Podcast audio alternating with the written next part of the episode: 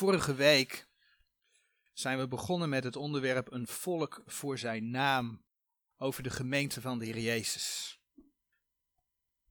En we zagen dat de Heer, de Heer zijn lichaam, zijn, uh, zijn gemeente, in zijn woord voorstelt als zijn lichaam. We hebben gezien dat de gemeente niet Israël is. We hebben gezien dat de gemeente niet het koninkrijk is. En hoewel de Bijbel ook spreekt over lokale gemeenten, de gemeente van Korinthe, de gemeente van Efeze, lokale gemeenten, is de gemeente van Jezus Christus zijn lichaam niet een bepaalde kerk of gemeente. Niet een verzameling van kerken of gemeenten. Maar zijn lichaam bestaat uit iedereen die de Heer Jezus als zijn of haar persoonlijke verlosser heeft aangenomen. Want door de wedergeboorte wordt iemand ingedoopt in het lichaam van de Heer Jezus. Door de Heilige Geest. Als gelovige ben je persoonlijk uit de wereld getrokken. Maar dat zegt dus ook wat over de gemeente. De gemeente, die bestaat uit alle wederomgeborenen, die is dus ook uit de wereld getrokken. En alhoewel ook wederomgeboren Joden tot dat lichaam van de Heer Jezus behoren, zien we vandaag de dag dat de Heer zich met name een volk uit de heidenen verzamelt. We hebben dat gelezen aan de hand van Handelingen 15, vers 14. En het resultaat is dat je als gelovige een vreemdeling, een bijwoner bent op deze aarde. Een vreemdeling, een bijwoner op deze aarde, maar een medeburger en huisgenoot van God. Je mag deel zijn, dat hebben we gezien in Efeze 2, vers 19 tot 22. Je mag deel zijn van een heilige tempel in de Heer, een woonstede Gods in de geest, waarvan de Heer Jezus, de Heer Jezus Christus het fundament is. En vandaag willen we met dit onderwerp verder gaan. Vanuit het thema een levende tempel. En dan willen we beginnen bij de gelijkenissen van de schat in de akker en de parel van grote waarde in Matthäus 13. Matthäus 13, vers 44 tot en met 46. Eh, en laten we die versen eerst lezen. Matthäus 13 vanaf vers 44. Wederom is het koninkrijk der hemelen gelijk een schat, in de akker verborgen. Welke een mens gevonden hebbende verborg die, en van blijdschap over dezelfde gaat hij heen en verkoopt al wat hij heeft en koopt diezelfde akker. Wederom is het koninkrijk der hemelen gelijk een koopman die schone paarlen zoekt.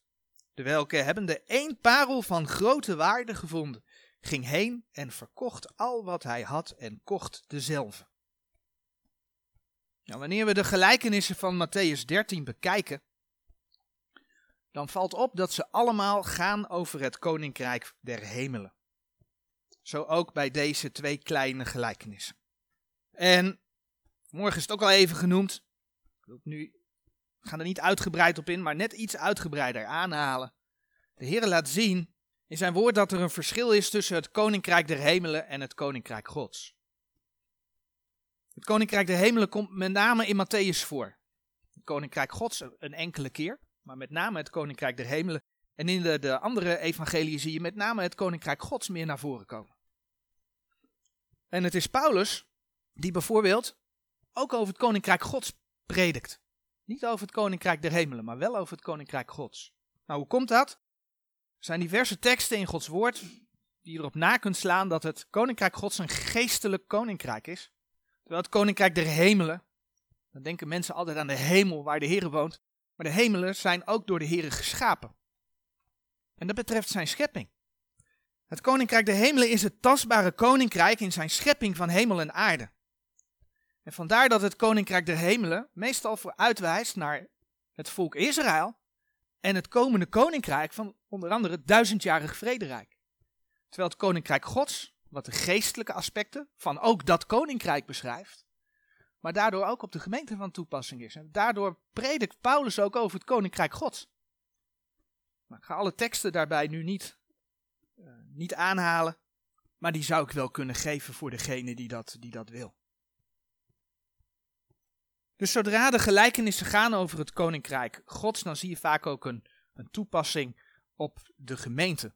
Alhoewel we vanmorgen hier iets uh, bijzonders zien. Het gaat over het koninkrijk der hemelen. We beginnen met Israël en we eindigen met de gemeente. In de gelijkenis van de schat in de akker zien we dat, dat een akker gekocht wordt. Nou, wat is die akker? In Matthäus 13, vers 38, dat is het mooie van de gelijkenissen. De Heer legt zijn woord zelf uit. In Matthäus 13, vers 38 zie je dat die akker de wereld is. En te midden van die wereld bevindt zich een schat. Nou, die schat, dat is Israël. Israël is door de Heer weliswaar uit de volken getrokken. Dat lees je in het Oude Testament, in de wet, Deuteronomium 7, vers 6. Maar door ongeloof, door afgoderij, het verwerpen van de Messias, heeft de Heer hen tijdelijk terzijde gezet. En daar werd ik van de week bij bepaald. Ik ga nu iets zeggen wat misschien gevoelig kan liggen. Maar het staat in Gods woord. De Heer heeft zelfs uitgesproken in Hosea 1, vers 6, vers 9, vers 10 kun je dat vinden. Dat Israël gewoon tijdelijk zijn volk niet is. Dat is nog nooit zo tot me doorgedrongen, maar ik las dat van de, van de week. ja, dat gaat over. Nou, laat ik het even, even erbij zoeken. Hosea 1, vers 6. En zij ontving wederom en baarde een dochter en hij zeide tot hem, noem haar naam Lorugama. Want ik zal mij voortaan niet meer ontfermen over het huis van Israël, maar ik zal hen zekerlijk wegvoeren. En dat krijgt dan een vervolg, onder andere in vers 9. En hij zeide, noem zijn naam Lo-Ami, want gij lieden zijt mijn volk niet. Zo zal ik ook de uwe niet zijn. Toen we bij het huwelijk stilstonden, zagen we ook dat God van Israël gescheiden is. Ja, allemaal uitspraken die de Heer zelf doet in zijn woord. Betekent dat dat Israël zo ver terzijde is gezet dat het er allemaal niet toe doet? Nee, pas op. Want wie aan Israël zit, zit aan de Heer. Dat blijkt uit het feit dat de Heer zegt dat uh, uh, Israël zich gaat bekeren en dat hij dan gaat afrekenen met de volken die Israël op een bepaalde manier behandeld hebben. Maar goed, dat is een ander onderwerp. Israël is dus weer door de Heer verstopt tussen de volken. Omdat ze hem verworpen hebben. Dat laat die gelijkenis van de schat in de akker zien.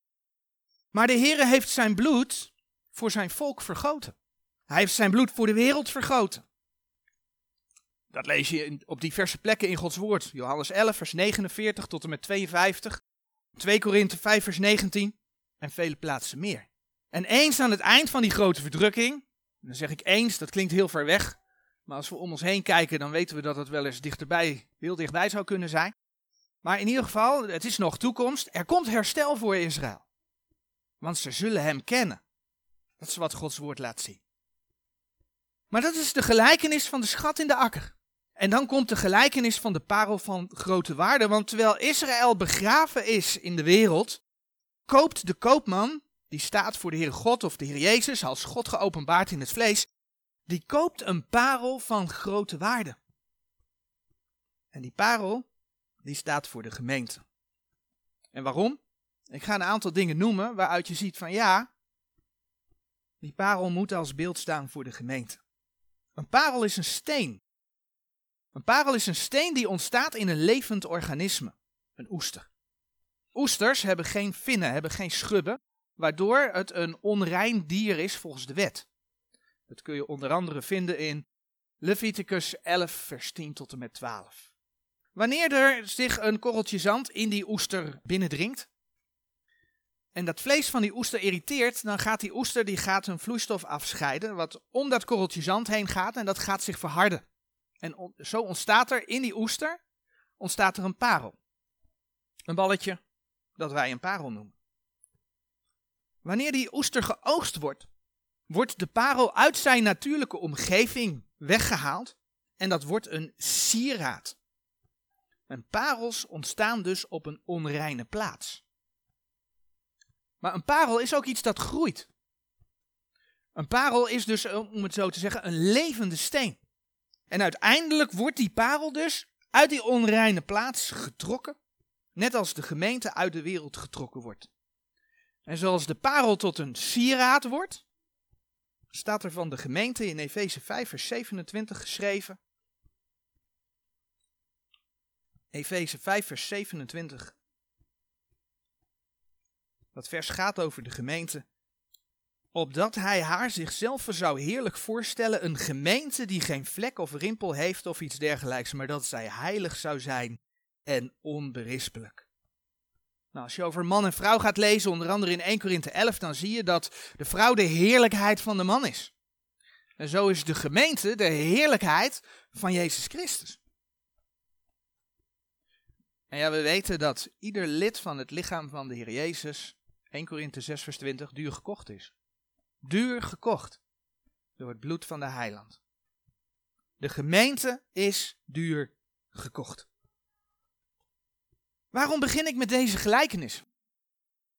Omdat hierin mooi tot uitdrukking komt dat de gemeente vergeleken wordt met een levende steen, eigenlijk een organisme. De gemeente van de Heer Jezus, zijn lichaam, is namelijk geen organisatie. Zoals we de vorige keer zagen dat de gemeente geen kerk, zelfs geen verzameling kerken is. Maar de gemeente van de Heer Jezus is een, is een organisme, het is, een, het is levend, het groeit. Net als die parel. Totdat het volgroeid is. Totdat het volgroeid is. En dan wordt het opgenomen in heerlijkheid. De gemeente, het lichaam van de Heer Jezus, is een organisme omdat het bestaat uit levende leden. Laten we naar Romeinen gaan, Romeinen 12.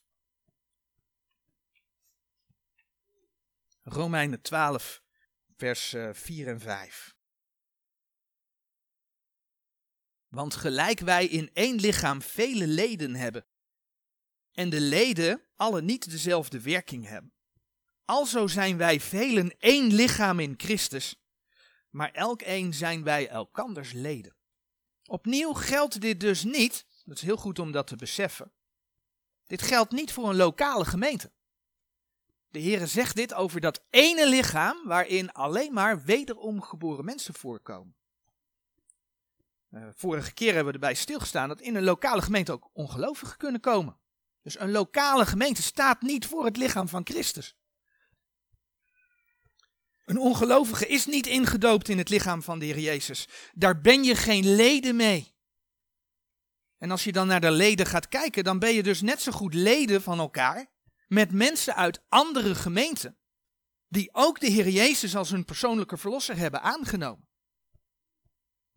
Dus het verschil tussen een lokale gemeente, waarvan ik de vorige keer zei, die, die schrijf ik dan met kleine letter, en de gemeente, het lichaam van de Heer, die ik dan met een hoofdletter schrijf. Om dat onderscheid aan te geven. Samen met alle wederom geboren gelovigen ben je één lichaam en zijn wij elkanders leden. En dan hebben we gelezen dat die leden niet allemaal dezelfde werking hebben. Een ander gedeelte in Gods woord, wat daar ook, waar dat ook heel mooi tot uitdrukking komt, is 1 Korinthe 12. En daar gaan we een aantal versen uit lezen. 1 Korinthe 12 vanaf vers 12. 1 Korinthe 12 vanaf vers 12. Want gelijk het lichaam één is en vele leden heeft, en al de leden van dit ene lichaam vele zijnde, maar één lichaam zijn, alzo ook Christus. Want ook wij allen zijn door één geest tot één lichaam gedoopt. Het zij Joden, het zij Grieken, het zij dienstknechten, het zij vrije. En wij zijn alle tot één geest gedrenkt. Want ook het lichaam is niet één lid, maar vele leden. Indien de voet zeide, terwijl ik de hand niet ben, zo ben ik van het lichaam niet. Is die daarom niet van het lichaam? En indien het oor zeide, terwijl ik het oog niet ben, zo ben ik van het lichaam niet. Is het daarom niet van het lichaam? Ware het gehele lichaam het oog, waar zou het gehoor zijn? Ware het gehele lichaam gehoor, waar zou de reuk zijn? Maar nu heeft God de leden gezet, een iegelijk van dezelfde, in het lichaam, gelijk hij gewild heeft. Waren zij allemaal één lid, waar zou het lichaam zijn? Maar nu zijn er wel vele leden, doch maar één lichaam. En het oog kan niet zeggen tot de hand: Ik heb u niet van noden. Of wederom het hoofd tot de voeten: Ik heb u niet van noden. Ja, veel eer de leden van ons, die ons dunken de zwakste des lichaams te zijn, die zijn nodig. En die ons dunken de minst eerlijke leden des lichaams te zijn.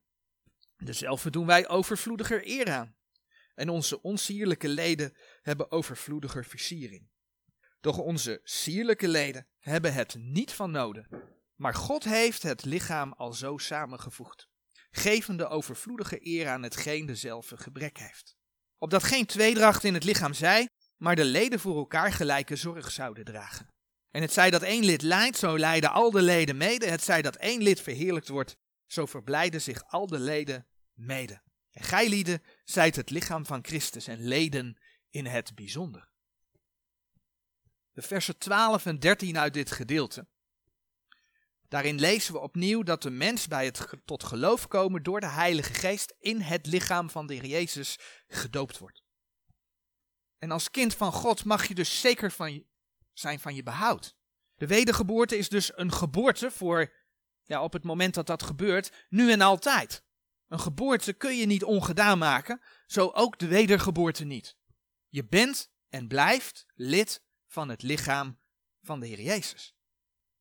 In een organisatie kun je een afdeling opheffen. En je kunt taken herbeleggen, zodat die organisatie ja, als een eenheid naar buiten toe blijft treden. Dat kun je met een organisme niet doen. je kunt moeilijk het bij het organisme mens de hand amputeren en de functie laten overnemen door de buik. Dat gaat niet.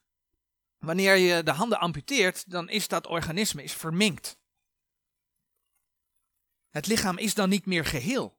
Nou, datzelfde geldt voor het lichaam van de Heer Jezus. Daar hebben we zojuist over gelezen. En ieder die deel heeft aan zijn lichaam, heeft het leven gevonden in hem. Efeze 2 vers 5 spreekt over dat je levend gemaakt bent met Christus. Dat lichaam kan niet sterven. En zo kan er ook geen hand, geen voet, geen duim of teen, geen buik of borst uit dat lichaam verwijderd worden. Dat kan niet. Onlangs zagen we nog dat de apostel Paulus zegt, want ik ben verzekerd. Romeinen 8 vers 38, we hebben het vorige week over gehad. Want ik ben verzekerd. Niets, Romeinen 8 vers 39, niets kan je scheiden van de liefde Gods, welke is in Christus Jezus onze Heer. Als je door de wedergeboorte, als je je Heer hebt leren kennen, wederom geboren bent, dan, dan ben je gewoon lid van zijn lichaam. Dus geen mens die dat ongedaan maakt. En voordat we dan nog willen stilstaan bij de werking van de leden van dat lichaam van de Heer Jezus, eerst nog iets over het doel van de gemeente. Want het zal toch een doel hebben dat de Heer zich in deze dagen een volk uit de heidenen verzamelt. Zal die vast niet voor niks doen. Dat zal een doel hebben. Wat wil de Heer met die parel van grote waarde? Wat wil hij daarmee? Buiten het feit dat het tot zijn heerlijkheid is. Nou, een deel daarvan wordt duidelijk als we naar Efeze gaan, Efeze 3, vers 8 tot en met 12. In Efeze 3, vanaf vers 8, daar lezen we over die gemeente. En wat er door die gemeente gebeurt. Paulus die spreekt vanaf vers 8. Mij, de allerminste van al de heiligen, is deze genade gegeven. Om onder de heidenen door het evangelie te verkondigen de onnaarspeurlijke rijkdom van Christus. En alle te verlichten, dat zij mogen verstaan welke de gemeenschap der verborgenheid is die van alle eeuwen verborgen is geweest in God, welke alle dingen geschapen heeft door Jezus Christus. Dan komt hij. Opdat nu door de gemeente bekendgemaakt worden aan de overheden en de machten in de hemel de veelvuldige wijsheid Gods. Naar het eeuwig voornemen dat Hij gemaakt heeft in Christus Jezus onze Heer. In de welke wij hebben de vrijmoedigheid en de toegang met vertrouwen door het geloof aan Hem. Het geestelijke aspect van de verkondiging wordt hier benadrukt. Dat de overheden en de machten door de gemeente de veelvuldige wijsheid Gods duidelijk wordt. Dat mensen door Jezus Christus toegang hebben tot God. De verkondiging is gewoon het allerbelangrijkste dat de gemeente te doen staat. Gods woorden moeten de wereld in. En dat is dan ook wat we de apostelen in handelingen zien doen. In handelingen daar zien we hoe ehm, de gemeente op een gegeven moment vervolgd wordt. En wat daar het gevolg van is. Men wordt verstrooid. En wat gebeurt er dan? Dat lezen we in Handelingen 8, vers 4. Handelingen 8, vers 4. Zij dan nu die verstrooid waren, gingen het land door en verkondigden het woord. De vervolging had dus het gevolg dat het woord de wereld inging. Dat lezen we daar. Hoe kun je het geloof verspreiden? Door het woord te laten horen. De Bijbel is duidelijk. In Romeinen 10, vers 17. Een tekst die ik nog wel eens aanhaal. Daar staat: Zo is dan het geloof uit het gehoor en het gehoor door het woord Gods. En, en juist in deze context, daar lees je ook vers 14. Hoe zullen wij dan hem aanroepen in welke zij niet geloofd hebben? En hoe zullen zij in hem geloven van welke zij niet gehoord hebben? En hoe zullen zij horen zonder die hun predikt? Nou, vers 17. Zo is dan het geloof uit het gehoor en het gehoor door het woord Gods. Dat is dus het doel van de gemeente, om dat woord de wereld in te krijgen. De vorige keer zagen we reeds dat ons doel niet is om de wereld, zoals die was of zoals die is, te redden. Want de wereld ligt in het boze en de gemeente is daaruit getrokken. En het is dus de bedoeling dat de leden van dat lichaam, dat zij ook anderen daaruit proberen te trekken. Als lid van het lichaam van Christus ligt daar je verantwoordelijkheid. De Bijbel noemt je ook niet voor niks een gezant van Christus, 2 Korinthe 5 vers 10. Maar ook is het de bedoeling dat binnen het lichaam van de Heer Jezus gelovigen worden opgebouwd. In Efeze 4, daar wordt op een gegeven moment ook over één lichaam gesproken. Dan weet je al, het gaat niet over de lokale gemeente. Het gaat over het lichaam van de Heer Jezus. Efeze 4 vers 4. Daar lees je dat. Eén lichaam is het. En in die context, daar lees je dan de versen 11 tot en met 13. En dezelfde heeft gegeven sommigen tot apostelen en sommigen tot profeten. Sommigen tot evangelisten, sommigen tot herders en leraars. Tot de volmaking der heiligen, tot het werk der bediening, tot opbouwing van het lichaam van Christus. Tot opbouwing van het lichaam van Christus. Totdat wij alle zullen komen tot de enigheid des geloofs en der kennis van de Zonen Gods, tot een volkomen man, tot de mate van de grootte der volheid van Christus. Het is dus de bedoeling dat het lichaam, de individuele leden in dat lichaam, dat die opgebouwd worden. Het is de bedoeling dat individuele gelovigen, dat die groeien. En dan is er nog iets. Er is een gedeelte, een schriftgedeelte, dat ook spreekt over levende stenen. En dat vinden we in uh, eh, 1 Petrus 2. In Efeze 2, vers 21 en uh, eh, 22 hadden we gezien dat we als medeburgers van de Here worden gebouwd tot een heilige tempel. Tot een woonstede Gods in de geest. En kijk dan eens wat er staat geschreven in 1 Petrus 2, vers 5. 1 Petrus 2, vers 5. Zo wordt gij ook zelf als levende stenen gebouwd tot een geestelijk huis, tot een heilig priesterdom, om geestelijke offeranden op te offeren, die Gode aangenaam zijn door Jezus Christus. En in vers 9 en 10 lezen we dan nog.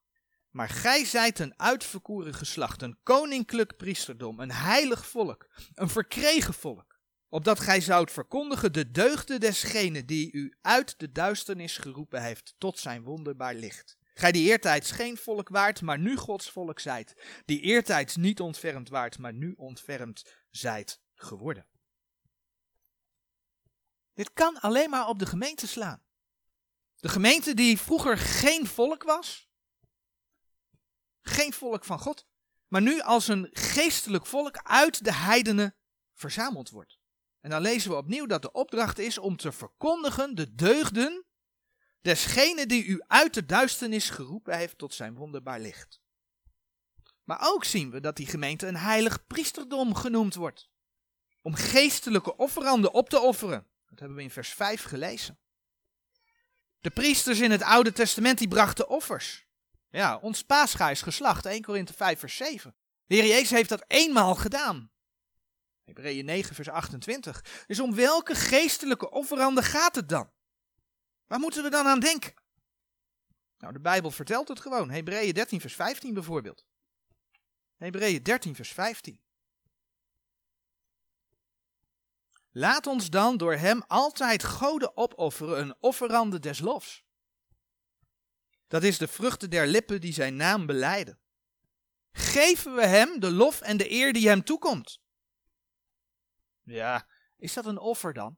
Is dat een offer om de Heer de lof en de eer te geven die hem toekomt? Nou, nog niet zo lang geleden stonden we stil bij het gebed en zagen we dat de Heer van ons vraagt om onder alle omstandigheden te danken en te loven. 1 Thessalonicense 5 vers 18, Psalm 34 vers 2. Onder alle omstandigheden. Danken en loven. Dat is niet altijd makkelijk hoor. Zeker bij tegenstand is dat niet makkelijk. Bij tegenslag is dat niet makkelijk. Geef hem de lofoffers die hem toekomen. In Romeinen 12, daar lezen we ook iets over een offer. Romeinen 12 vers 1. Ik bid u dan, broeders, door de ontfermingen Gods, dat gij uw lichamen stelt tot een levende, heilige en gode welbehagelijke offerande, welke is uw redelijke godsdienst. En ook dat is niet altijd makkelijk. In 1 Korinthe 9, vers 27 spreekt Paulus over het bedwingen van het lichaam. Het leven tot eer van de Heer, het niet wereldgelijkvormig willen zijn, het niet wereldgelijkvormig worden, dat kost wat, dat kost moeite. Daarom is het een offer. Om onze lichamen te stellen tot een levende, heilige en gode welbehagelijke offerande. En zo lezen we in Filippenzen, Filippenzen 4 vers 18.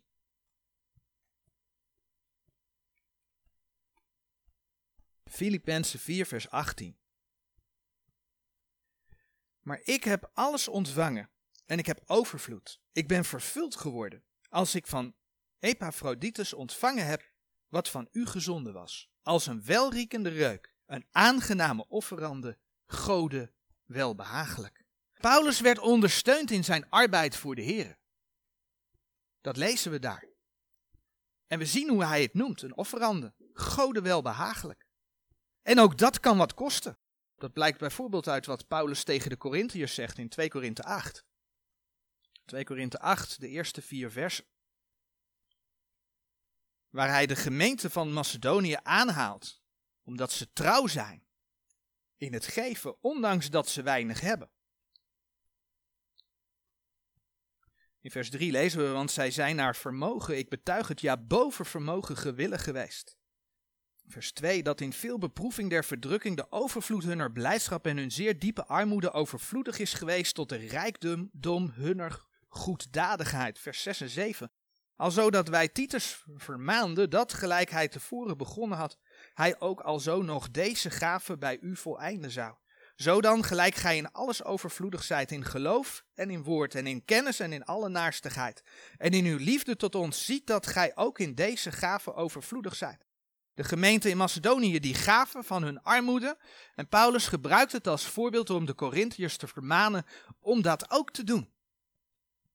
Wanneer mensen geven voor het werk van de Heer. En wanneer zij daarin naar vermogen, ja bovenvermogen hebben we net gelezen in 2 Korinthe 8 vers 3, gewillig zijn. Dan noemt de Heer dat een aangename, offerande, gode welbehagelijk. Het doel van de gemeente is dus om het evangelie der genade Gods naar buiten te brengen de wereld in. Dat binnen de gemeente individuele leden steeds dichter naar de Heer toe groeien. Leren om de Heer in alles te danken en te prijzen. Maar ook om het lichaam te bedwingen. Te leven tot eer van de Heer. En daarbij zijn werk te ondersteunen. Dat is wat we zo uit Gods woord halen. Ja, en daarvoor heeft de Heer verschillende leden een verschillende werking gegeven. Dat hebben we gelezen in Romeinen 12 en in 1 eh, Korinthe 12. Het is zoals Romeinen 12, vers 4 zegt: dat de leden alle niet dezelfde werking hebben. Romeinen 12, vers 4. Iedereen is anders, ook in het lichaam van Christus. De handen hebben bijvoorbeeld de voeten nodig om ergens te komen. Nou wordt 1 Korinthe 12 wordt vaak geciteerd vanwege de geestelijke gaven. Maar dat de Heer bijvoorbeeld ook gaven voor de beginperiode van de gemeente gegeven heeft, die er nu niet meer zijn. Daar wordt vaak niet bij stilgestaan. Het betreft de tekengaven. In 2 Korinthe 12 vers 12 worden ze ook de merktekenen van de apostelen genoemd. Die gaven zijn er vandaag de dag niet. De apostelen zijn verdwenen. 1 Korinthe 4 vers 9 spreekt over de laatste apostelen. Dus met die apostelen zijn ook die merktekenen der apostelen, die zijn er vandaag de dag niet. Dus ik wil het dan ook niet hebben over die tekengaven. Maar Romeinen 12 vers 6, daar staat wel geschreven. Hebben er nu verscheidene gaven naar de genade die ons gegeven is. Het mag duidelijk zijn dat de Heer verschillende gaven gegeven heeft, zodat de werking van die leden anders is, wat we in 12 vers 4 gezien hebben. Ja, en het eerste waar mensen dan aan denken, dat is uh, prediken of zendeling worden.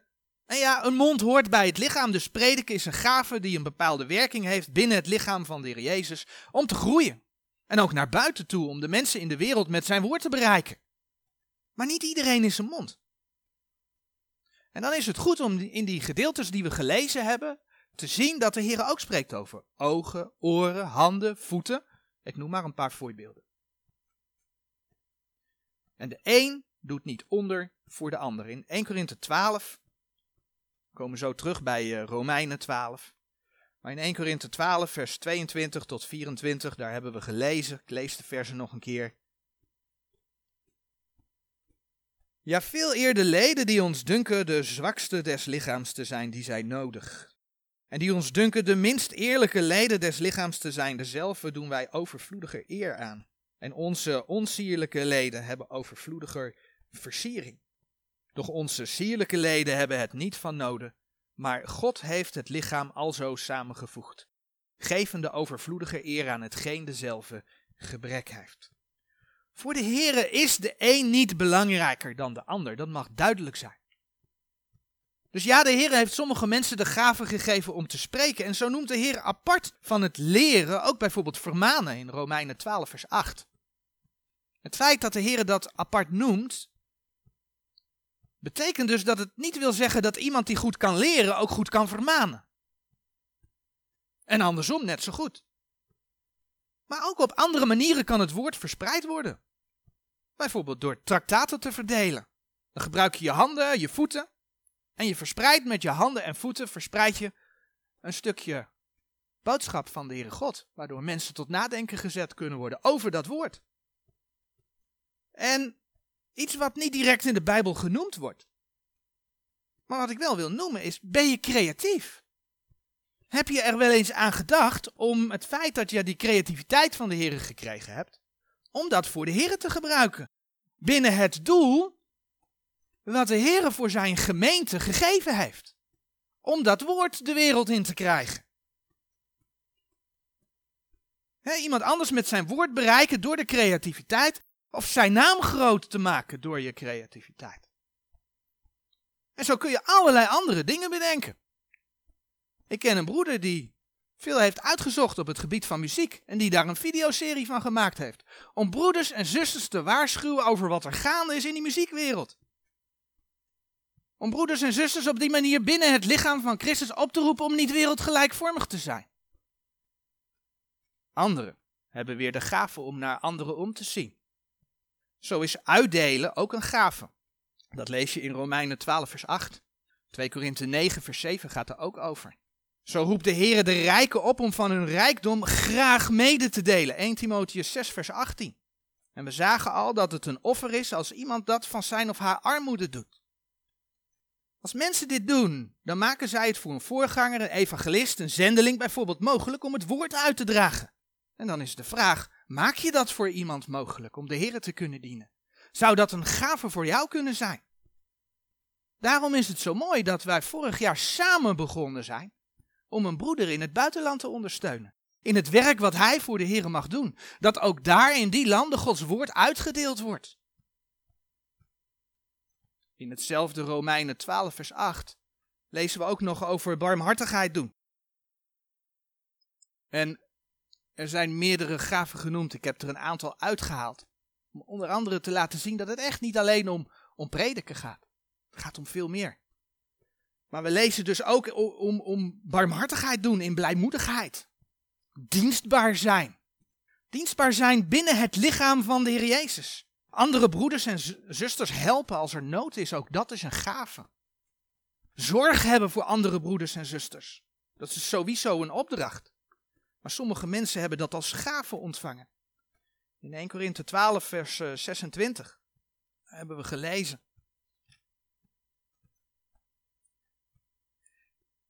1 Korinthe 12 vers 26. En het zij dat één lid leidt, zo leiden al de leden mede. Het zij dat één lid verheerlijkt wordt, zo verblijden zich al de leden mede.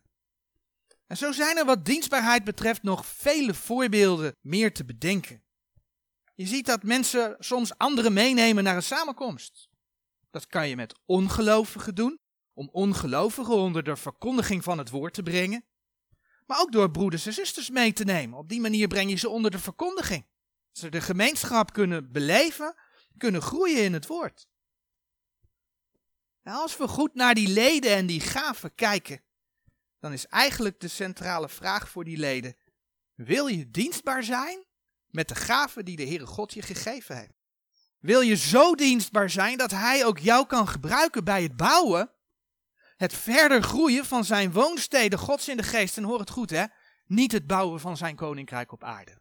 Die komt als die steen zonder handen, eh, want het is vaak wat er in kerken eh, verkondigd wordt, dat we Gods koninkrijk moeten bouwen. Maar dat koninkrijk komt pas als die steen zonder handen heeft geen mens aan bijgedragen. De Heere komt gewoon terug en dan vestigt hij zijn koninkrijk op aarde.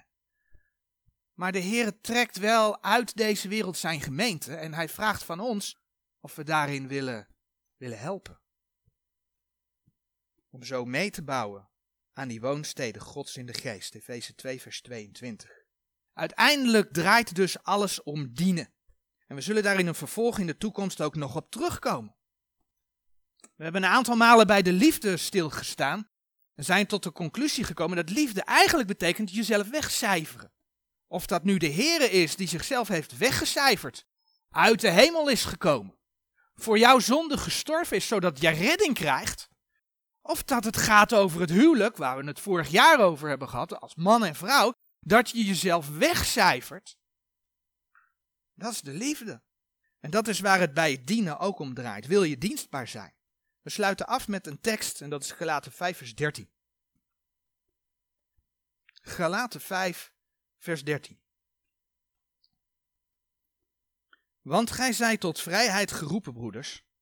Alleenlijk gebruik de vrijheid niet tot een oorzaak voor het vlees. En dan komt hij, maar dient elkander door de liefde. Maar dient elkander door de liefde. Amen.